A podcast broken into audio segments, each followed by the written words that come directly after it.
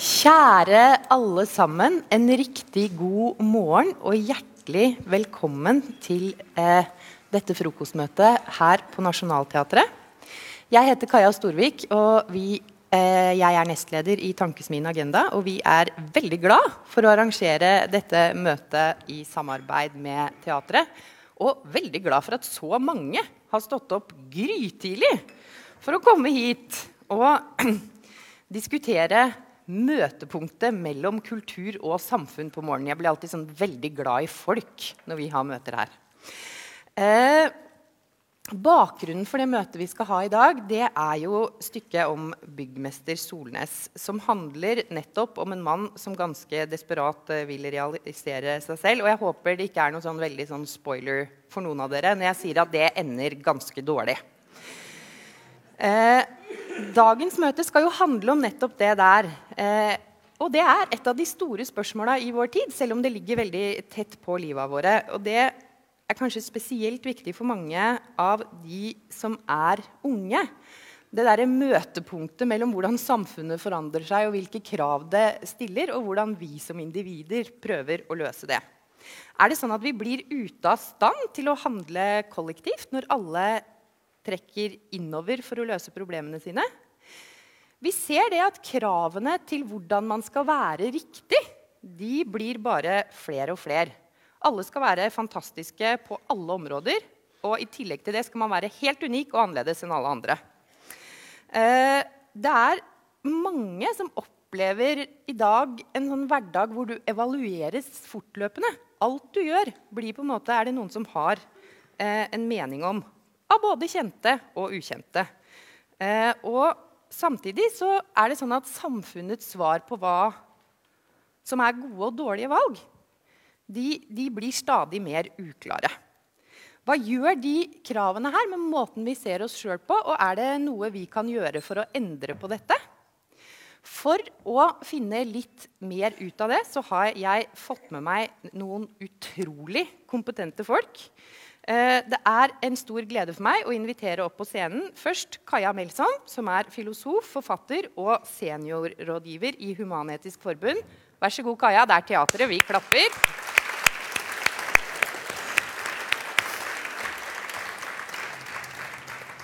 Ole Jakob du skal stå her sammen med meg. Ole Jakob eh, Madsen, som er psykolog og helt, helt nyutnevnt professor i psykologi eh, ved Universitetet i Oslo. Vær så god.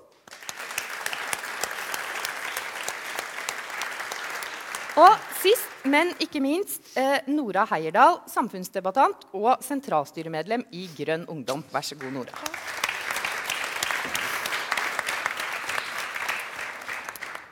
Jeg tenkte vi skulle begynne litt sånn høyt oppe. Eh, fordi at det, eh, det er jo ikke noe Altså, i dag så er folk mer på en måte individer og mer opptatt av seg sjøl enn en sånn jeg har inntrykk av at det, det, var før. Spesielt hvis man går litt tilbake. Jeg lurer på om du, du kan si noe om altså, hvorfor er det sånn, og, og når ble det sånn at man selv var så veldig veldig tydelig og veldig, veldig viktig hele tida? Jeg tenker jo at uh, Parallelt med at vi har fått flere, at individet har fått flere muligheter uh, til å, til å realisere seg selv på, på, alskens områder, så har det jeg kaller dagens, altså frihetsidealet vårt, har endret seg radikalt bare på noen få generasjoner. Uh, går vi tilbake til 50-tallet, så var uh, idealet, frihetsidealet handlet da om å eh, greie å ha kontroll og greie å sette samfunnet og eh, familiens eh, behov over egne lyster og begjær og ønsker. Eh, og så, på noen veldig få generasjoner, så, dette, eh, så kom jo 68-erne og gjorde opprør mot man kan si, vulgærversjonen av eh, dette 50-tallsfrihetsidealet. Eh, og vulgærversjonen var jo jantelov og konformitetskrav og kjempestreng seksualmoral og alt det der som vi liker å gjøre narr av. Og så gjorde man jo et betimelig oppgjør med dette her. Eh, men så, også endret frihetsidealet seg og slo helt kontra. Og i dag så har vi eh, rett og slett et frihetsideal som sier det stikk motsatte av det frihetsidealet på 50-tallet sa.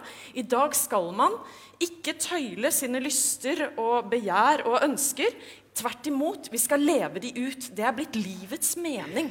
Eh, at vi, eh, individet, skal leve ut sitt indre. Eh, uansett hvor vi søker råd, så får vi vite lytt til din egen magefølelse. Følg hjertet. Ikke la deg styre av de andre. Lytt til hva du vil innerst inne. Og det er rett og slett en radikal forandring på noen få generasjoner. Altså, ja. det, det, høres jo i utgangspunktet ganske ålreit ut, det, da. At man, eh, man, skal ha det sånn. Men, men, eh, du har jo studert dette fra et eh, mer psykologisk standpunkt, Ole Jakob. Og hvordan, hvordan, virker det for folk? Blir vi veldig glad? Uh, det, er et stort, stort, spørsmål, da, men det flere har pekt på da, sånn i forlengelsen av Kajas analyse, er jo det at for skal vi si, eh, foreldregenerasjon eller generasjon for der igjen, så, vil, så, måtte nok dette oppleves som ganske sånn frigjørende når det kom. ikke sant? At det var liksom en sånn kjærkommen eh, ja, oppåpning av liksom den gamle verdens liksom, påbud og føringer om hvordan man skulle leve, leve livet sitt, da, til, til uh, mer, uh, mer, frihet. Ikke minst også for kvinner. ikke sant? At det var liksom en del av ja, sånn frigjøringsbevegelse på 1960- og 70-tallet. Men det F.eks. en uh, tysk, kjent tysk filosof, Axel Honneth, påpekte på begynnelsen av 2000-tallet, er at dette selvrealiseringskravet etter hvert begynner å gå mer og mer på tomgang. sånn at det eh, fra at det oppleves kanskje som en sånn helt ny, genuin mulighet, da, så blir det eh, en, Han kaller det en form for sånn Det kommer en tvang inni det. at unge mennesker i dag på en måte forventes å skulle forvalte liksom, sitt indre, sitt unike jeg, og liksom komme ut med noe slags originalt produkt. Da.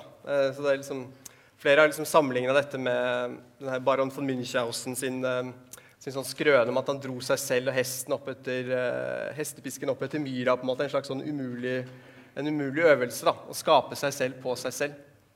Så Håndes sitt poeng er at liksom for mange unge så må dette føles som en type tvang, og kanskje også et type sånn utmattende prosjekt da, hele tiden å skulle liksom føle at de må ja, forvalte denne eh, Forvalte seg selv på denne, denne måten da, til å omgjøre seg selv til noe genuint Eh, ja, eh, unikt. Eh, unikt nytt, og på alle og, måter nytt og fantastisk. Vi skal, vi skal, komme litt tilbake til det, men jeg vil bare spørre deg om én ting eh, først. Fordi eh, jeg er sånn ca. 40. Og det er klart at I den tiden jeg har levd, så har sånne ting forandret seg veldig mye og veldig fort. Eh, men det er jo ikke egentlig Det er vel egentlig ikke så vanlig at sånne ting endrer seg så mye i løpet av et par generasjoner. Det er ikke det som har vært normen for menneskene? Er det det? Nei, man kan jo, altså Hegel beskrev jo historiens gang som en pendelbevegelse fra den ene ytterligheten til den andre. Så, men ting har jo ja, ting har gått veldig raskt. Det, det var jo kanskje uh, altså Dette opprøret uh, skjedde jo på mange fronter samtidig. ikke ja. sant? I 68-opprøret hadde jo en enorm kraft i seg. Uh, og Uh, ja, og har, uh, det har skjedd fort uh, at vi har endra fra At vi har endra, som jeg sa, dette frihetsidealet helt radikalt. Da skal jeg få hente inn deg også, Nora. Og snakker her om at unge mennesker sånn kontinuerlig må gjenoppfinne seg selv. Og, er, mm. er det sånn? Ja, det er det jo. Hvordan, hvordan er det? nei, altså Finne seg selv, på en måte. Det, det jeg føler at det blir veldig sånn eh, rart og litt sånn banalt med en gang hvis jeg skal si noe om det. Men, men, men, du forsikret meg jo om at det er jo mange i denne salen som ikke er 19 år gamle, og at det kan være greit å liksom gå gjennom det på en eller annen måte. Så jeg kan jo prøve å gjøre det. Uh, og, og, det det kanskje handler om, er jo at man er 13 år gammel og laster ned Instagram på telefonen. Og så skjønner man at man trenger en kommunikasjonsstrategi for å få dette til å gå rundt. Eh, det kan være at ikke alle formulerer det sånn inn i hodet sitt, men jeg husker i hvert fall at jeg gjorde det, og jeg tror mange gjør det. Eh, det handler om å, å være veldig bevisst hvordan du framstår på alle arenaer. Eh, vi er jo veldig vant gjennom liksom, skolesystemet til å hele tiden bli satt en karakter på, men, men jeg opplever også at på veldig mange arenaer så må man hele tiden jobbe for å være relevant, for å være liksom noe annet, da, sånn som du sier. Og på den ene siden passe inn, selvfølgelig. Det er jo fortsatt vondt å ikke passe inn på ungdomsskolen. Men man må samtidig ha noe liksom eget, en X-faktor. på en måte. Kanskje var det sånn da dere gikk på ungdomsskolen også. Jeg har jo bare vokst opp i min, mitt lille tidsrom av tid. på en måte. Men eh, jeg mistenker, da, også med det dere og andre har skrevet, og sånn, at eh, det er annerledes for oss, og at det å være midt på treet kanskje er det verste du kan være. da, på en måte.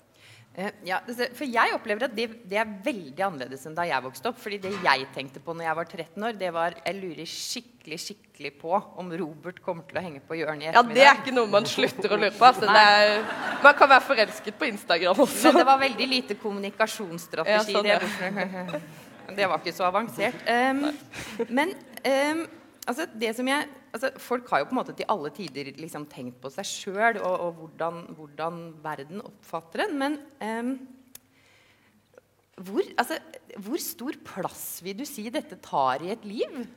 Det er jo sikkert veldig stor forskjell på liv, da, det håper jeg alle er enige om. Men, men uh, i mitt liv så tar det en del plass, ja. har jeg skjønt. Jeg bruker jo ganske mye tid på å tenke sånn det var plutselig en venninne av meg nå som flyttet til et sånt der kollektivbruk i Arizona for å bygge opp en, en bærekraftig parallellstat. Og så begynte jeg å tenke sånn Å nei, å nei, å nei! Hvorfor har ikke jeg gjort det? Eh, jeg bor jo bare i Oslo og eh, blir bare invitert på Nationaltheatret og jobber bare på skole og sitter bare i sentralstyret til et ungdomsparti. Og så måtte jeg liksom ta tak i meg selv og si sånn Hallo, det er bra nok, liksom. Du ja. trenger ikke også være hippie i USA. Det var kanskje ikke egentlig svar på spørsmålet. Nei, jo, men jeg tenker, jo, jeg føler det gir et, uh, gir et bilde. Um, altså, hvordan reflekterer dere rundt det? Altså De der kravene som, som ungdom eh, og barn for så vidt også eh, møter i dag. Eh, hvordan er de annerledes, og hva, hva gjør det eh, med folk? Jeg tenker jo at denne, Dette fokuset på selvrealisering, som i starten opplevdes som veldig frigjørende eh, I dag vi, fokuserer vi så mye på det med selvrealisering at flere og flere opplever det som, ikke som frihet, men som et krav, som et må, som et bør. Og så tenker jeg at vi misforstår friheten. da, Det tillater jeg meg å si. Eh, fordi, tenker, fordi eh, selvrealisering eh, Vi tenker at jo flere muligheter vi har på et område, enten det er kjærlighetens område, valg av partnere, eller utdanning eller jobb, så tenker vi gjerne at jo flere muligheter jeg har, jo lettere blir det for meg å velge det som er rett for meg. Uh, men uh, all forskning viser jo at det er feil. Uh, det er ille vanskelig nok å velge mellom to alternativer. Vi vet jo ikke hva vi selv vil sette pris på om to år, om fem år. Og når vi da får 100 alternativer, så blir, jo, så blir det jo nærmest helt umulig å velge. Og, he, og, vi blir hele tiden så kan vi ha denne tvilen. Hva om et av de andre alternativene var bedre? Hva om jeg burde heller dratt til Arizona og skapt en parallellstat. eller Eh, ikke sant? Og kan, denne tvilen tenker jeg at følger dagens unge. Og eh, det blir på en måte Livet blir litt som å sitte på en date eh, samtidig som du speider etter et bedre emne i lokalet. Det, liksom, alltid, det kan alltid dukke opp noe bedre. Det kan alltid dukke opp et bedre alternativ. Og det er jo veldig stressende. Eh, ikke sant? Det er vanskelig å slå seg til ro. For frihet, hvis jeg skal si hva det handler om, så er det jo evnen nettopp til å sortere bort alle altså, Til å velge noe. Til å gå, gå, inn for noe og gå inn for det 100% og glemme seg selv. Og gå inn i noe. Eh, men det blir jo umulig når vi hele tiden blir minnet om eh, nye alternativer, nye muligheter. Ja. Mm. Eh, kan jeg koble meg på ja. um, jeg tenkte bare også skulle nevne til det Kaja sier, at For et par år siden så var jeg og holdt et foredrag for psykologer som, som jobba som terapeuter med studenter på Studentenes psykiske helsetjeneste på Universitetet i Bergen.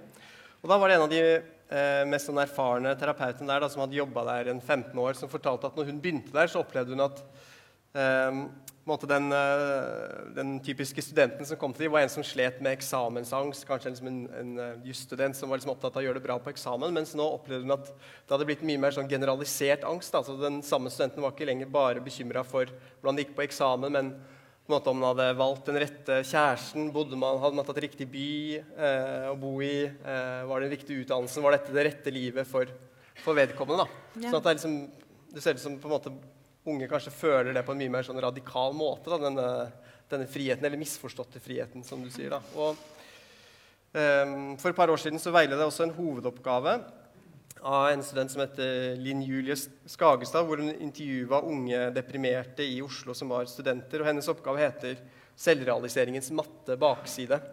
Eh, og Vi skrev også en vitenskapelig artikkel basert på den. og Der sier også en av informantene at man blir så redd for å gå glipp av seg selv. altså liksom å gå glipp av seg selv. Sånn at det kanskje oppleves som at man har et sånn mulighetsvindu da, en ens liksom formative år, hvor det gjelder liksom å gripe muligheten for å disiplinere seg for framtiden og for liksom å investere i seg selv. Og Hvis ikke man klarer det, så på en måte er det en oppskrift da, for mislykkelse. Hvis ikke man utnytter da, mulighetene i de årene. Da. Det høres jo ja, deprimerende ut. Ja, ganske deprimerende. Men, men, men altså, det jo, når vi ser på sånn tall blant unge over lettere psykiske lider og sånn, så, lidelser, og sånn, så, så går jo det eh, veldig opp. Eh, og det er jo ikke fordi folk er født så veldig annerledes, sannsynligvis. Det henger disse tingene sammen. Blir folk rett og slett sjuke? Det, det er et stort, eh, stort spørsmål. Det er viktig å, å være sånn i folkeopplysningens navn. Da, sier at det man ser en økning i, er det man kaller for sånn psykiske helseplager. Da, som ikke er nødvendigvis det samme som psykiske lidelser. Altså, det er ikke nødvendigvis noe som kvalifiserer til en, en diagnose, men lettere eh, psykiske plager. Da. Og ja, det ser, har man sett i f.eks. de her ungdataundersøkelsene. At særlig for, eh, for jenter, men også, også for gutter de siste par årene, da, eh, så har det vært en, eh, en økning i det. I den siste rapporten så spurte de vel også de, hvilke faktorer de opplevde som mest stressende og pressende. Og da er det vel først og fremst skolen som kommer ut på topp, da, som det som de, hvert fall unge, de unge selv identifiserer som den fremste stressfaktoren. Men også kanskje da typisk at man opplever et dobbeltpress. da, F.eks. både skulle prestere på skolen og være populær på sosiale medier, eh, se bra ut. Det kanskje er særlig også noe som rammer jenter, da, som opplever også et litt sånn krysspress fra kanskje sånn forvirrede kjønnsroller. Både liksom det nye å skulle realisere seg selv, og mer sånn gammeldagse eh, idealer på en måte som kanskje kommer i litt konflikt med hverandre også. La oss eh, snakke litt om det krysspresset. Fordi selvfølgelig sosiale medier og sånn, det er jo, er jo ganske nytt. Eh, men, men, men det er jo andre områder også hvor det skal, eh, skal presteres eh, veldig hardt. Og det er eh, mye debatt for tida om hvordan vi skal organisere skolene våre. At det har blitt et sånt krav- og målings... mange mener det. At det har blitt et sånt krav- og målingsdiktatur. Og, at det, hva, hva tenker du rundt det? Tror du skolen er annerledes nå enn før? Det kan jo ikke jeg svare på, på en måte, fordi jeg har bare gått i, på min skole. Eh, jeg har ikke gått på skole for lenge siden, men det eh, jeg, Den eneste gangen klassen min på ungdomsskolen hadde bruk for meg f- som elevrådsrepresentant, var da vi gjorde opprør mot at lærerne brøt regelen om å ha maks tre vurderingssituasjoner i uken. Eh, fordi plutselig satt vi der med seks og syv vurderingssituasjoner i uken, og det er for mye for en 14-åring. på en måte. Hva er en vurderingssituasjon? Oi, ja, ikke sant? Det er ikke et ord eh, som man nødvendigvis bruker hvis man ikke Ja. Nei, eh, en vurderingssituasjon er enten en prøve eller en eh, vurderingssamtale eller en presentasjon. eh, sånne ting. ja. Eh, og det er liksom alle situasjoner på skolen hvor du ikke skal lære noe, men hvor du skal vise læreren hvilket nivå de er på, sånn at de kan sette en karakter på deg. Ja. Eh, et annet eksempel eh, på dette er at moren min fortalte meg i går at eh, at eh, lillebroren min har begynt med prøver annenhver uke. Han er vel 11, hvis jeg ikke tar helt feil. Og eh, han eh, Jo, i klassen så har læreren begynt å vise fram gjennomsnittet på prøvene. Sånn at de alltid går hjem fra skolen og vet om de var over eller under snittet. Og det framstår kanskje litt sånn derre det ja, det er jo ikke så farlig, på en måte, men jeg syns det er ganske tidlig å skulle si at du med 13 poeng var liksom 10 poeng under snittet i klassen. Det er ganske hardt. Uh, ja. Altså, det er jo sånn, jeg, jeg har eh, barn som går i andre klasse, og de, er sånn, de, de setter sånn smilefjes, strekmunnfjes eller lei seg-fjes på hvordan vurderer du din egen innsats i forhold til dette. Og de gjør det også på forhånd av ting. Eh, som er sånn Hvordan tror du at du skal lykkes med den oppgaven du skal, eh, du skal løse nå? Det er vanlig, vanlig Ja, ja. i Oslo-skolen. Eh, hva, hva, hva, altså, hva tenker dere om mengden måling også andre steder? Eh, har dere inntrykk av om det går opp eller ned? Det er ingen av oss som er sånn skolespesialister, men Nei. Jeg har jo også barn i barnehage og skole. eh, og jeg syns det er veldig interessant at vi kaller det vurderingssituasjon. Det er det ordet Eh, du bruker, fordi, ja, liksom. men jeg synes det er interessant, for det er nettopp det det handler om. At mitt inntrykk er at eh, unger blir vurdert utenfra uh, tidligere og tidligere. Det begynner allerede i barnehagen. Uh, og uh, vi er mer opptatt av å måle dem, og om ikke vi forteller dem resultatene. De merker det på de voksnes innstilling. Til og med det å ha venner er blitt et slags press. Har du fått noen venner, da? Du har gått på skolen i tre uker. Har du ikke venner? Altså En femåring vet jo hva, hva er en venn.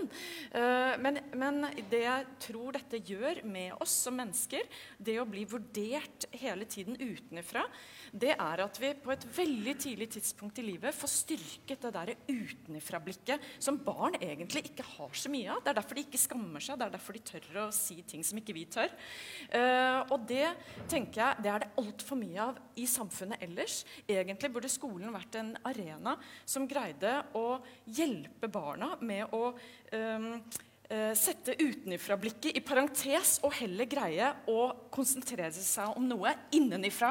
Eh, og dette her er jo et sånn Det å se seg selv utenifra, det er kilde til mye glede hvis man får ros og er stolt og sånn, men det er også den store kilden til skam, som jeg tenker, tenker ligger under veldig mange av de lidelsene, de lettere psykiske lidelsene, angst og depresjon.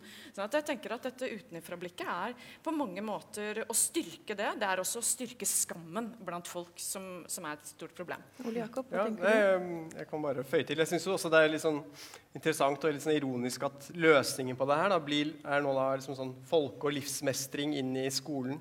Hvor unge skal lære seg å håndtere måter å håndtere stress og press på, da, særlig jenter. Mens siden vi nå er på et sånt uh, agendaarrangement, det er en mer radikal løsning vil jo kanskje være å gjøre noe med årsakene til, til det utgangspunktet. da, Ikke på en måte liksom, ja, eh, putte det over på det at de skal lære seg måter å håndtere, håndtere dette på. Ja. Men eh, ja, Nora? Kan jeg si noe om det? Ja, eh, jeg ser hva du tenker, men, men jeg tror på en måte også at det presset og, og liksom stresset er så stort i alle andre deler av alt du gjør også. Vi hadde jo også underveisvurdering på ski, f.eks.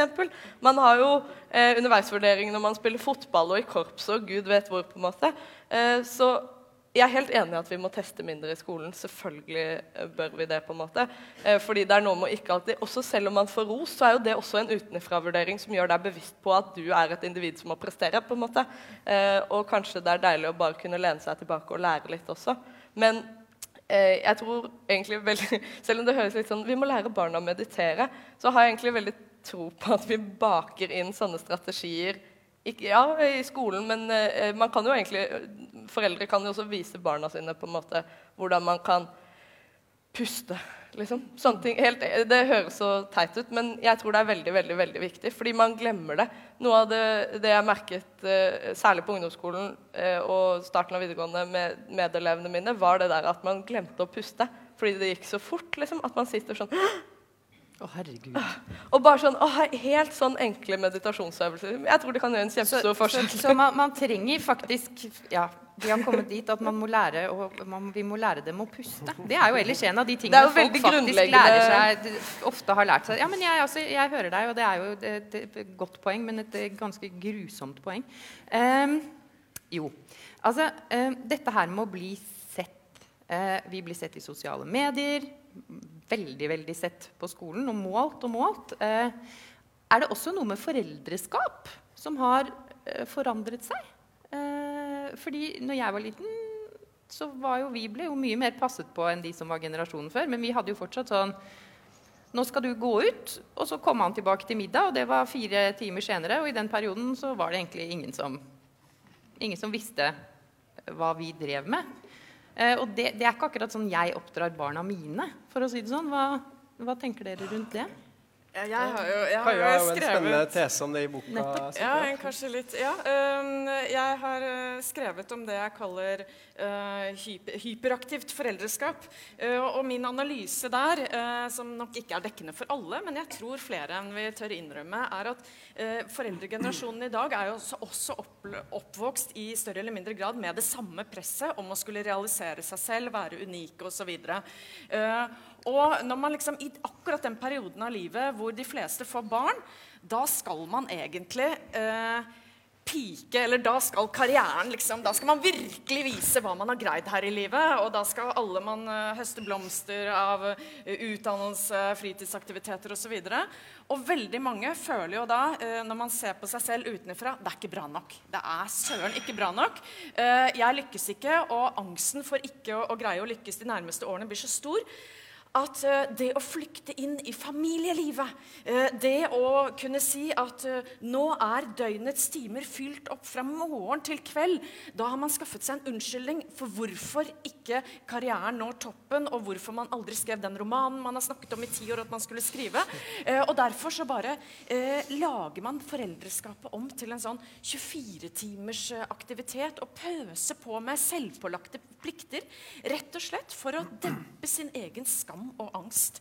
Eh, og det å, eh, man flykter sin egen frihet, fordi hvis jeg ikke er fri, hvis jeg kan overbevise meg selv og andre om at jeg er ikke fri fordi jeg har barn, så har jeg skaffet meg en unnskyldning eh, for hvorfor jeg ikke er mer selvrealisert og vellykket. Det er jo Takk. Det der skal jeg tenke litt på. Um, Ole Jakob, altså, um, hva gjør det med et menneske? At det blir altså, sånn som, ikke sant? Altså, Vi følger med på barna våre, de får sånne små klokker så vi kan ringe til dem hvis de er én meter unna. Eh, de eh, tilbringer veldig lite tid hvor de har fri, og så, og så følger vi med på dem hele tida. Og det er som du, Nora, sier, vi, de fleste foreldre roser jo masse og så flink du er, og veldig flink og fantastisk og sånn. Eh, I hvert fall prøver vi å gjøre mest det. Eh, men, men hva gjør det med folk? Det er så, sånne 'hva gjør det med oss?'-spørsmål, det, det, det Hva kan det gjøre med oss? Nei, De gir ofte litt sånn synsende svar, og mitt svar er ikke noe, noe, noe unntak her. Det, altså, nei, jeg vet ikke. Det, jeg har tenkt mye på det samme. Jeg kjenner meg også, Vi er antakeligvis noenlunde gamle, så jeg også kjenner eh, en veldig forskjell fra da jeg var barn, da, og til mine barn òg. Noen kaller jo det for liksom, den organiserte barndommen også. ikke sant? At uh, veldig mye av, av tiden deres er fylt opp med sånne organiserte aktiviteter fra skolefritidsordningen til eh, fotballtrening istedenfor fotball på Løkka. Jeg vet ikke om noen av dere så de her Aftenposten hadde jo den, den litt sånn uhyggelige fotoserien fra sånne fotballbaner en lørdags formiddag i Oslo en dag hvor de fleste var tomme, hvis ikke det var organiserte fotballkamper. Så jeg har også følt litt på det når vi har kjørt hjem fra fotballtrening og sett to enslige gutter som spilte liksom på Løkka, eh, mens de andre hadde vært på organisert eh, trening. da. Men eh, så det, Kanskje er det et slags, eh, slags eksperiment, jeg vet ikke. Men samtidig, så, hvis jeg skal spille sånn djevelens advokat, da, så kan du si at det kan jo også hende at vi kan ha litt for lett for oss å romantisere noen ganger da, den friheten vi opplevde. Altså, det skjedde vel sikkert også at barn kanskje ble overlatt for mye til seg selv. Da, at det i hvert fall sikrer en del barn på en måte tettere voksenkontakt, mer oppfølging. At det er mer liksom type eh, gjennomsyn. da, ikke sant? Altså, ja. Ja, og så har det, det har noen sånne vidunderlige effekter. Eksempel så dør det ca. 70 færre barn i ulykker i året Ja, nå ja. enn det gjorde på Sånn at vi ikke blir helt 60- og liksom, på en måte 70-tallet. Fordi at at, fordi at vi passer på barna. Så, så det har jo gode sider og dårlige sider. Men i dag skal vi bare snakke om de dårlige sidene. Ja, ikke sant? Altså. Nei, det, altså det blir jo veldig igjen da, veldig sånn, Men det noen mener, da, å kunne se i den grad f.eks. USA representerer liksom et slags sånn land i framtiden hvor eh, på en måte vi også kommer til å ta etter etter hvert, så har noen pekt på for at en konsekvens av det kan jo bli at disse barna da, som vokser opp med det man kaller for i USA liksom helicopter parents, på norsk side liksom curlingforeldre, som er veldig til stede og legger veldig til rette for dem, følger de veldig tett opp, er at barna da som unge voksne da hele tiden istedenfor å ordne opp selv, krever hele tiden går til liksom, forventer liksom at de voksne skal rydde opp. da? At man da kan se noe av konsekvensene av det på universitetene, hvor man kanskje føler at foreleser eh, eh, tar opp et sensitivt emne som man selv føler seg støtt av, så istedenfor å ta det opp med foreleser, så rapporterer man anonymt til dekanen, eller, eller sånne ting, sånn at det kommer et varsel på vedkommende i ettertid. Eh, at man forventer på en måte at ja, en del sånne mer sånn mellommenneskelige ting da, skal bli løst av noen der oppe, for det er det man er vant til. Men eh, om det kommer til å bli en konsekvens her også, det tror jeg er liksom veldig tidlig å si. da. Har du noen tanker rundt dette, Nora? Ja, eh, Det jeg sto og tenkte på mens du hadde dette gode resonnementet, var eh, hun jenta jeg gikk i klasse med på ungdomsskolen som ikke fikk lov til å gå sørøst for Nationaltheatret. Eh, og det syns jeg alltid var så, så, rart og så tullete, for jeg har fått ganske mye frihet og tatt T-banen rundt alene og eh, lekt i nærskogen med avslått mobil på en måte, og vært på speidertur og i det hele tatt. Så jeg føler at jeg har fått mye av det jeg trenger for å bli et ordentlig menneske. Eh, men eh, det er klart jeg har også blitt passet godt på. Jeg har jo hatt foreldre, men jeg har også hatt coacher hjemme. på en måte.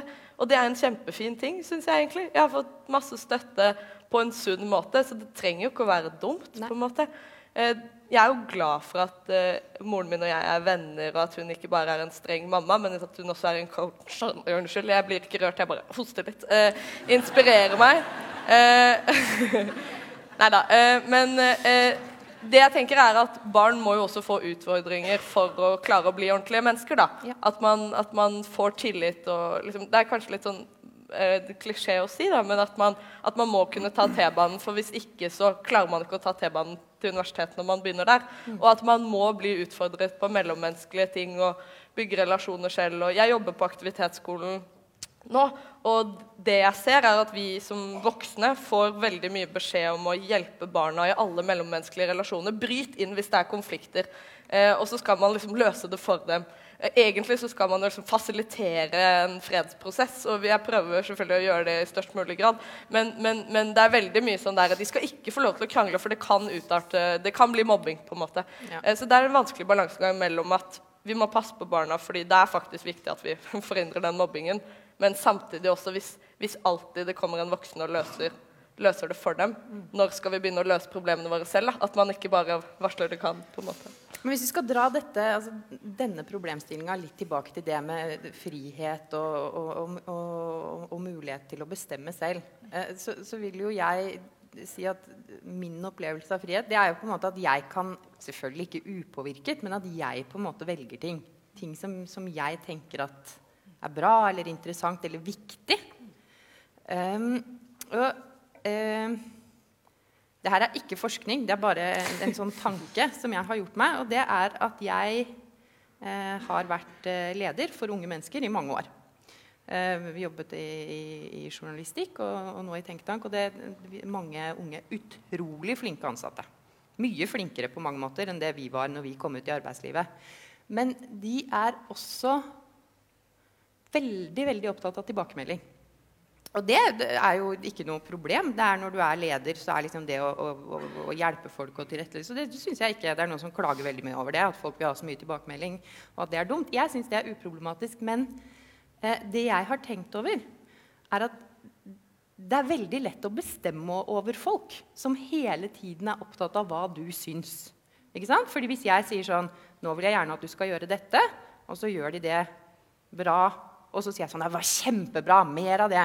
Så er de veldig sånn styrt av meg. Jeg husker når jeg ble journalist, og så diskuterte vi om morgenen skal vi skrive en sånn sak eller en sånn sak. Og så sa sjefen min ja, du skal skrive om at de krangler i KrF. Og så syns jeg det var kjedelig, for jeg ville heller skrive om pensjon. For jeg hadde litt spesielle interesser. Eh, og så Da sa jeg til sjefen min sånn Prøvde å skrive sånn sak om at de krangler i KrF. Nå var ingen som ville snakke om det. Så jeg har skrevet denne kjempefine saken om pensjon. Vær så god. Og da ble jo ikke han helt fornøyd, men det var på en måte ikke så farlig for meg. Fordi det som var farlig for meg, var å få skrevet om pensjon. Mens jeg opplever at dag, altså, den der tilbakemeldingskulturen gjør at folk, man liksom framstiller folk som at de på en måte bare durer på og er så egoistiske. og sånn. Jeg opplever det egentlig helt omvendt. Opplever at, det, ja, at de er veldig styrbare. Hva tenker dere om det?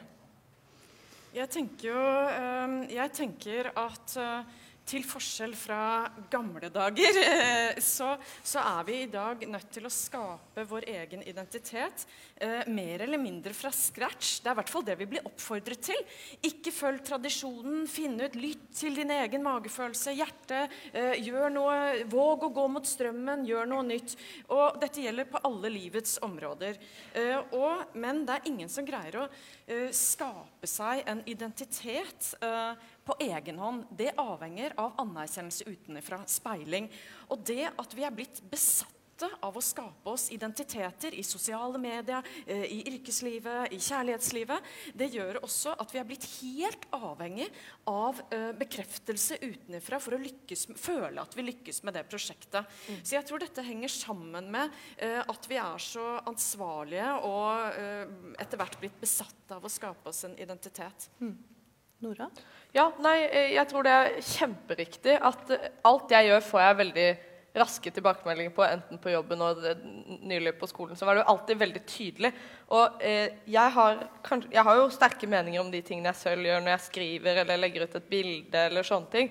Men, men, det blir så tydelig med en gang om det var noe som fenget eller ikke. Og jeg merker at det veldig mye, altså det former selvbildet mitt i veldig stor grad om en, noe jeg har skrevet, blir delt få eller mange ganger. da, på en måte. Mm.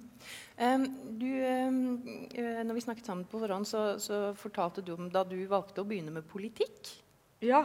Uh, kan ikke du fortelle publikum også om jo, hvordan det, det var? Jo, det kan jeg gjøre. På ungdomsskolen, en, Jeg var jo alltid litt nerdete, men på ungdomsskolen en gang så fant jeg ut at jeg skulle slutte å gå på langrennsski, og så begynte jeg i Grønn ungdom fordi kloden koker osv. Og, uh, og uh, det som var da, var at jeg møtte en del sånne derre jeg, jeg, tror folk i klassen min forsto det ikke helt. fordi jeg kunne jo fortsatt på ski. Jeg var ikke så dårlig, liksom. Eh, så eh, det, det, jeg kanskje følte litt på, da, var at det var litt vanskelig for å, for, å få forståelse for at det var fint å gå inn i et prosjekt som ikke handlet om seg selv, men om noe felles. da, på en måte. Å være liksom grasrot i et parti og jobbe i en retning med liksom sånn fellesskapsprosjekt på en eller annen måte. Eh, at det var liksom litt sånn fjernt. Det var ingen som hadde tenkt på at det var noe man kunne gjøre. da. Og jeg tror kanskje at eh, det har vært annerledes i andre generasjoner. At det der å drive med politikk og være en del av en bevegelse som har vært litt mer sånn der, eh, allment Folk skjønte greia med det, på en måte. Jeg vet ikke. mens det var litt vanskelig. Ja, mens nå som jeg sitter i et sentralstyre, og sånn, så er det liksom sånn Å ja, det er Du kan sette på CV-en. Fett, liksom. men så med en gang man kan begynne å sette på CV-en, så var det liksom, da var det for aha, ja, ok, liksom, ja. Men det, det, blir jo et lite problem for organisasjoner hvis alle veldig. må sitte i sentralstyret for å være med. For blir det blir veldig store, veldig sentralstyrer. sentralstyrer i veldig små organisasjoner. Um, kan jeg bare skyte inn? Jeg tenkte, ja. det, det, dere sier, kan jo også handle noe om at det her, um, altså logikken fra sosiale medier, det å få likes og på en måte umiddelbar tilbakemelding er det ikke til og med også noen som innrømmer at de ofte legger ut ting, og hvis ikke de får umiddelbar så og så mange likes, eller sånne ting, så trekker de tilbake? Det skjer. det skjer, de, ja. Okay, ja, det, ja. Men at det også smitter tilbake på de på måte, sosiale normene. da. At vi også blir kanskje mer utålmodige som du sier, og får liksom en slags umiddelbar bekreftelse. Hvis ikke vi gjør det, så blir vi, blir vi engstelige. Så det er en spennende tanke du har om det kanskje er en form for sånn nykonformitet da, som liksom er på vei til å, å, komme fram som følge av litt derre eh, ja, oppjaga anerkjennelsesbehovet. Det, det, det, kan vel uh, forklares rent sånn nevrobiologisk òg. Er det ikke sånn at uh, når vi får masse likes, så produseres det noen lykkehormoner inni oss? Uh, og at, det, at, vi blir rett og slett junkies. Vi blir avhengig av dette her, og det smitter over på alle sfærer i livet. Det er, det er ikke umulig. Du har jo sett eh, litt sånn spesielt på hvordan dette spiller seg ut altså, i faktisk selvrealiseringslitteratur og sånn. Har du ja. ikke det? Ja. Fordi det, altså, uh, dette som har skjedd med folk, det har jo ikke gått upåaktet hen. Uh, og hvordan, hvordan syns det i de bøkene vi leser som handler om dette? Nei, det første er jo at det, har blitt veldig mange flere, flere av dem. Altså, at det har blitt et enormt marked. Hvis du tenker på selvhjelpslitteraturen, og etter hvert også da type selvhjelpsapper og sånne ting. Altså, det er også etablert i sosiale medier. Eh, sånne inspirasjonsvideoer, kanaler osv. Så, videre. så det er vel på en måte en bransje, nærmest også har, eller en industri, som har vokst fram der, som på en måte har gjort det alle gjør, altså nemlig kapitalisert da, på dette, dette, enorme behovet etter uh, selvrealisering, og kanskje også da denne veldige usikkerheten der ute. Da, altså en slags lengsel etter at i liksom fravær av hva skal jeg si, Gud eller de ti bud eller liksom mer sånn tradisjonelle konvensjoner, da, så er det kanskje mer type vitenskapen og psykologene som de nye prestene, men også andre leger, ernæringsfysiologer, coacher, alt mulig personlige trenere, som gir et slags sånt destillert budskap. Da. Hvis du følger den oppskriften, så liksom kan du da realisere potensialet ditt osv. Eh, som er selvfølgelig forlokkende. eh, Problemet med sjangeren kan jo være at det gjelder liksom å rope, rope høyest. Da. Hvis du skriver en sånn selvhjelpsbok med sånn 'bli passe lykkelig' eller sånne ting, så tror jeg neppe du vinner fram i konkurransen med, med de andre. Altså, det er liksom en sånn svakhet ved hele, hele, hele sjangeren, kanskje. Bli litt lykkelig annenhver onsdag. Så ja, er det de fleste jeg, tror det, jeg tror ikke det blir noe best. Uh, som å liksom bli best med ja, et eller annet. Men, så, uh, men uh, på den annen side så er det også de som mener at det alltid har vært der. Da. At man, hvis man liksom, kan tenke seg at også liksom, de mer sånn tradisjonelle religiøse skriftene, til og med Bibelen, hva det skal være, kan også betraktes som en form for selvhjelpsbok. altså Noe som gir på en måte råd da, om hvordan man skal leve, leve, livet sitt, og at de da bare kanskje er liksom en slags forlengelse av, av det. Det Kaja? Ja, nei, uh, I og med at du nevner Bibelen, uh, så, så, må jeg skyte inn.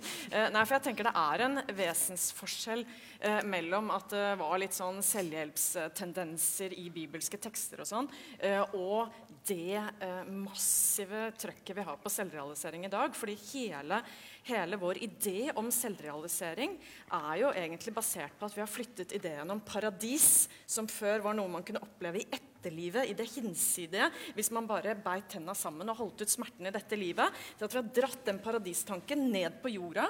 Og nå forventer vi at lykken det er ikke noe som kan komme hvis vi bare piner oss gjennom det og det i dette livet. Det er noe vi skal, eller kanskje skylder oss selv å oppleve i dette livet. Og jeg tenker at det er med på å øh, Det legger et enormt press på den enkelte på øh, at vi skal oppleve en eller annen sånn ekstatisk følelse av uh, lykke, ja, av lykke uh, som jeg mener er helt urealistisk. Da. Men det får bli en annen gang.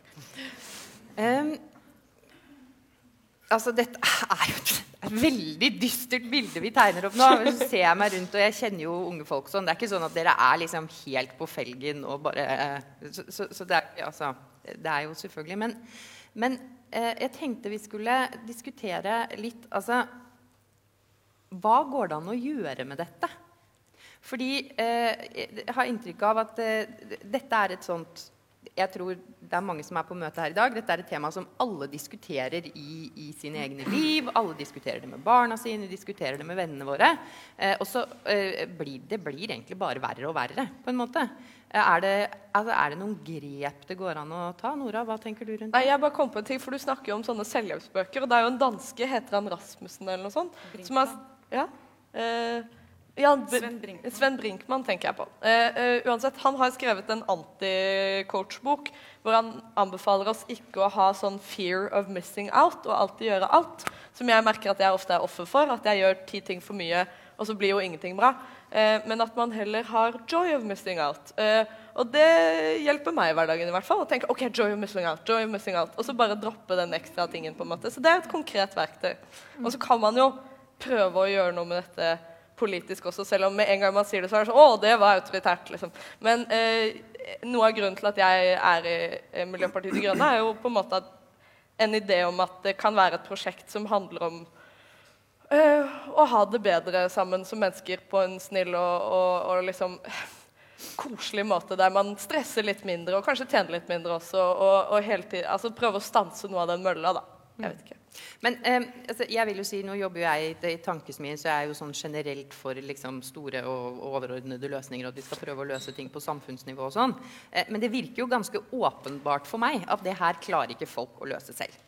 Eh, hvis folk hadde klart å løse det selv, så hadde det ikke vært et eh, problem i utgangspunktet. Og det som skaper dette problemet, er jo at folk hele tiden skal løse alt selv. Så hvis vi sier at de skal løse dette selv, blir det kanskje bare enda et sånt krav eh, å legge på. Men vi var litt inne på det med skole, f.eks.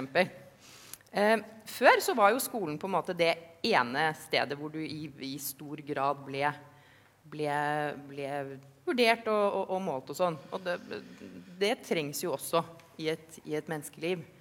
Eh, men er det sånn nå som vi har det overalt i hele samfunnet? Burde vi ha tenkt helt omvendt? da? Burde vi ha tenkt at på skolen skal vi ha minst mulig av dette her? Dette var vi jo så vidt inne på i stad. Men, men eh, jeg tenker at tendensen til at vi begynner tidligere og tidligere å måle barna helt ned i barnehagealder. Og øh, det bidrar som sagt til dette å forstyrke dette utenfra-blikket, dette vurderende blikket på seg selv, øh, som, som, ja, som, som, bidrar til uh, å øke skammen, som jeg tenker er en slags folkesykdom i dag. Mm. Men nå, det ble en gjentakelse. Altså, dette er ikke noe ja. Dere trenger ikke, altså, dere er jo ikke politikere, bortsett fra deg, da, selvfølgelig. Men det er ikke sånn at dere skal stå til ansvar for dette eller ha ferdigtygde forslag. Men hva, hva tenker du? Eh, ja, det er veldig lite praktisk da, og helt sikkert ikke gjennomførbart. Men jeg kan, jeg kan si det for deg. Jeg bare tenker sånn at hvis, altså Siden dette var liksom selv, vi åpna med selvrealisering da, så Hvis man liksom trekker det tilbake til sånn som Aristoteles og sånn som snakker om det, så er det jo der handla jo selvrealisering om å realisere noen sånne fellesmenneskelige dyder. ikke sant? Det er sånn Mot rettferdighet. sånn at Det var knytta opp til på en måte fellesskapet. Så realiseringen av menneskenaturen var liksom på en måte også da først og fremst en ivaretakelse av av fellesskapet. da, ikke sant? Av ikke frisatt sånn som det er i dag. Og så har man kanskje forsøkt det lenge da, med en mer sånn type grenseløs eh, selvrealisering som var opp til hver og en å fylle med mening. Eh, det har blitt kanskje både et problem som psykologisk, men det har blitt også et problem i forhold til miljø og klima. ikke sant? At det kommer direkte krasj der. At vi liksom ikke lenger kan kanskje fly hvor vi vil, eller på en måte forbruke hvor mye vi vil. Altså, Kanskje da gå litt tilbake da, til å gjeninnføre mer sånn type allmennverdier eller en sånn type moral. Eh, og det tror jeg også er i ferd med å presse seg gjennom. Da. Så kanskje den her tøyesløse selvrealiseringen hvor man forteller liksom unge at alt er mulig, eller at du kan bli hva du vil, da, blir på en måte begrensa av at dagens unge er kanskje den første på veldig mange generasjoner som ikke lenger kan forvente å ha det materielt sett bedre enn sine foreldre, f.eks. For eksempel. altså at det, på en måte, virkeligheten slår tilbake, på sett og vis. da. Og, ja, tvinger igjennom kanskje et annet verdisett. La oss også diskutere eh, Vil du si noe til det? Nei, jeg vil bare si at akkurat det der med at vi kommer til å ha det eh, dårligere enn det dere hadde, eller i hvert fall ikke ha så mye materiell vekst, er noe dere voksne burde snakke mer om. For jeg tror ikke vi skjønner det helt. Men vi kan ta det en annen gang. Mm. Men um, altså, det som, det som, du snakker om her, altså det um, Det er jo ikke sånn at alle kan bli til alt, og at alle kan bli. og det, altså, det der med å liksom være litt sånn vanlig, det står ikke så høyt i kurs for tida. Nei, det var jo det jeg begynte med å si. da, at Det verste du kan være, er å ha fire været midt på treet, som uh, en annen Kaja synger. Uh, jeg tenker kanskje at um, en annen ting vi bør gjøre, er å se på de store teknologiselskapene. Ja. Fordi det er de som, eksempel, Du snakket om dette med å være på date og hele tiden sveipe videre på Tinder. ikke sant?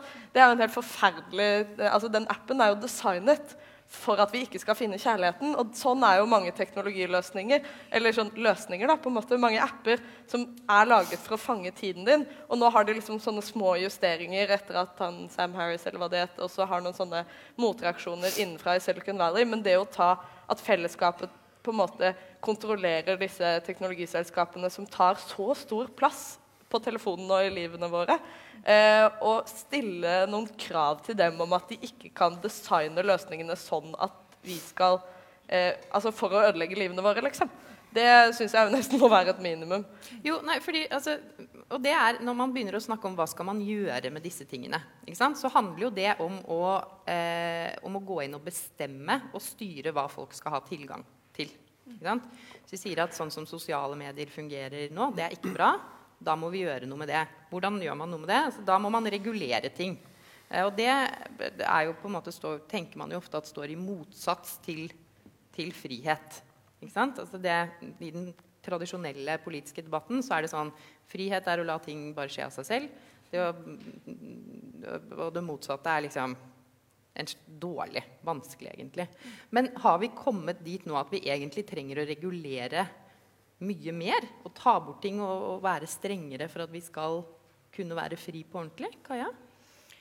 Uh, til en viss grad. altså jeg har jo I min bok 'Den fordømte friheten' så peker jeg jo nettopp på at veldig mange av de veldig mange av de strukturene som, som skal gjøre oss fri, eh, og som vi tenker at skal gjøre oss fri, som f.eks. å få mange flere valgmuligheter. For å gå tilbake til Tinder. Da. Du sitter der med 500 potensielle partnere uh, å velge mellom, og du tenker at da virker det jo som at ja, da bør det jo være en som passer for meg.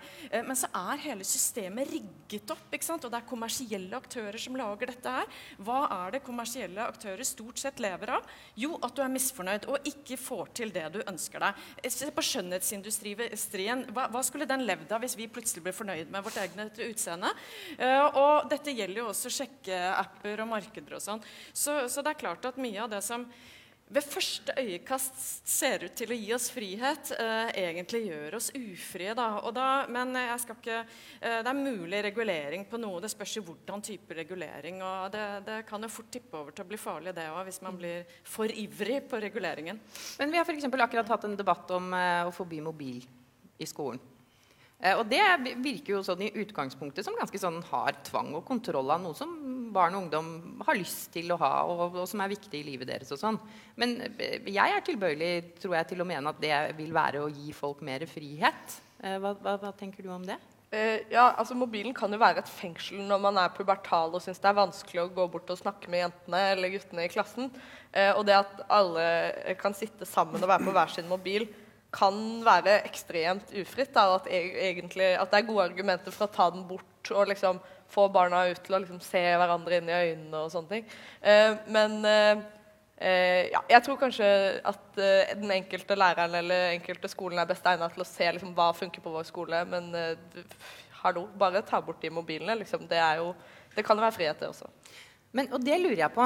Hvorfor er det sånn? Altså, det, ja, det, er jo på en måte vektige argumenter der. Ja, den enkelte må få se hva som virker best, og det fins argumenter for og mot. og sånn. Er det sånn at vi har blitt, at vi har fått helt sånn angst for å bare si sånn Nei, vet du hva. Det her, det er ikke bra. Da bare sier vi sånn skal vi ikke ha det. Um, er det. Er det også en bit av dette? At alle skal ha så mye frihet at vi får et kjempestort problem, og så klarer vi på en måte ikke å ta noen sånne overordnede grep og gjøre noe med det? Jeg tenker at Friheten er på en måte, står jo fram som den ypperste av alle verdier. Da. Den har brakt oss dit vi er, på, på godt og vondt. Altså, folk har kjempet blod og svette for å gi oss den friheten vi har. og begynne å røre ved den, det, det er jo kanskje også litt sånn tabubelagt, nærmest. Uh, uh, men, men, jeg tror her at løsningen, det er litt kjedelig svar, ligger ikke enten i å begynne å regulere ovenifra uh, eller legge all skyld på individet. I, dag er nok tendensen at alt føres tilbake til individet. Det er individet vi må jobbe med. Les flere selvhjelpsbøker, bli, lær deg psykisk førstehjelp osv. Det bare bidrar til å forsterke skammen. Jeg greier ikke det engang. Ikke sant? Da har jeg lest ti selvhjelpsbøker, det hjelper ikke. alt er min feil. Det gjør oss blinde for strukturelle problemer. Uh, men samtidig så tenker jeg at det å f.eks. For forby mobil på, i skoletiden Jeg vet ikke ja, det, det, kan ha noe for seg for å hjelpe på konsentrasjon selvfølgelig, og, og, sånne ting. Men jeg vet ikke om det i seg selv bidrar til å styrke den enkelte syke. Her tror jeg vi må jobbe opp uh, Skolen må bidra til å jobbe opp vår karakter. Altså rett og slett. Vi må, vi må f.eks. lære oss å bli så eh, kritiske og reflekterte at vi skjønner at eh, f.eks. Eh, tanken om at alle kontrollerer sitt eget liv, eh, kan bli hva de vil osv., bare er bløff. Det er, livet består av så mye flaks. Fra hvilke gener du har, til hva som skjer i livet ditt. at det er, det er, liksom ikke, det er ikke sånn at alle kan bli hva de vil og realisere seg i 100. det er én ting vi må gjennomskue. En annen ting tenker jeg også er dette med Vi har en eller annen idé om at hvis vi bare greier å uh, realisere oss selv, følge vår magefølelse, uh, leve ut vårt potensial, så skal vi oppleve en eller annen sånn komplett lykke. Alle brikker i livet skal liksom falle på plass. Jobben skal føles som en hobby. Du skal bli forelsket i din, han du har vært sammen med i 20 år igjen. Og alt skal Vi har den, dette paradisforestillingen, og den tenker jeg er Den må også knuses, da. vi kan livet livet består av så mye motstridende behov at hvis man velger eh, Og vi må velge.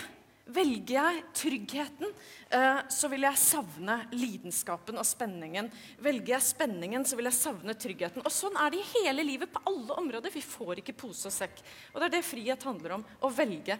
Og da må vi savne noe også. Vi må lære oss å savne det vi velger bort. For å, ja. Er det Ja? Ja, nei, men um, Jeg bare tenkte på det her med, det her med reguleringer også. at det er jo et av de nye, eller øhm, de mest kjente eksemplene fra nyere tid det var innføringen av røykeloven, eh, som kom i 2004. og Den gir jo et sånn fascinerende innblikk synes jeg, i, som kanskje gir litt håp også, eh, til hvor foranderlig eh, menneskenaturen er, på sett og vis. da. Fordi jeg husker jo Tilbake der så var det veldig mye sånn fokus på at dette var på en måte formynderstaten som eh, Det var veldig mye sånn eh, eh, Ja. Eh, at det var et illiberalt liksom, eh, overgrep mot befolkningen. At man også måtte ha rett til å ta dumme valg, selv om de var helseskadelige. Men så fikk man trumfa den igjennom, og det man så, var jo at ganske raskt så snudde opinionen og begynte liksom å si sånn Ja, det var jo ganske fint å kunne være på byen uten å måtte lufte klærne dine neste dag. Folk som jobba i utelivsbransjen, hadde mindre hodepine osv. Så, videre. så man begynte liksom å etterrasjonalisere også.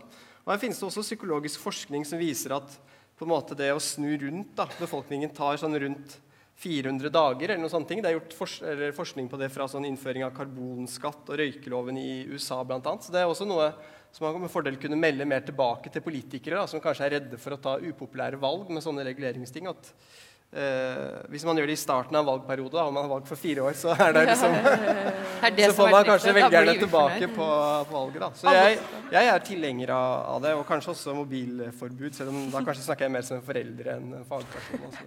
Ja. Eh, Det er en siste ting som jeg har lyst til at vi skal komme innom. fordi eh, altså Sånn som dere snakket om i begynnelsen, så er det jo sånn at alle disse tingene har skjedd veldig veldig fort. Eh, og det betyr jo også at vi, vi har på en måte ikke vi har ikke utviklet normer og, og, og metoder å forholde oss ikke sant, til sosiale medier og de tingene der. Det er litt sånn det er jo litt sånn, det tok veldig lang tid fra de begynte å koke mat i fat, til de spiste med kniv og gaffel. Det var sikkert 10 000 år eller noe. Før det så hadde de jo satt jo bare og er det litt sånn med dette også? At, eh, at vi kan på en måte Det er så nytt at vi har ikke helt funnet ut av det enda, Og at om 10 år, om 20 år, om 50 år så vil vi ha andre redskaper og normer knytta til det. Tror dere det? Jeg tror det. Jeg tenker at I et historisk perspektiv så er den individuelle friheten så ny at vi er jo amatører å regne. Eh, og, og vi er på en måte litt sånn, fortsatt litt rusa over denne individuelle friheten. Og eh, skaper oss noen enorme forventninger til hvordan det kan eh, endre livene våre til det positive. Eh, mens eh, livs, li, vi mennesker er jo eh, de samme som vi var i middelalderen. Og noe av eh, mye er blitt veldig mye bedre. Men eh, det er nok eh, Jeg tror vi tenker at vi med den individuelle friheten vi har, kan utrydde all lidelse og smerte og alle vanskeligheter. Men det tror jeg vi må innse at, det, at så langt kommer vi ikke. Det syns jeg var et veldig håpefullt siste ord. Tusen, tusen takk til panelet, og tusen takk til dere.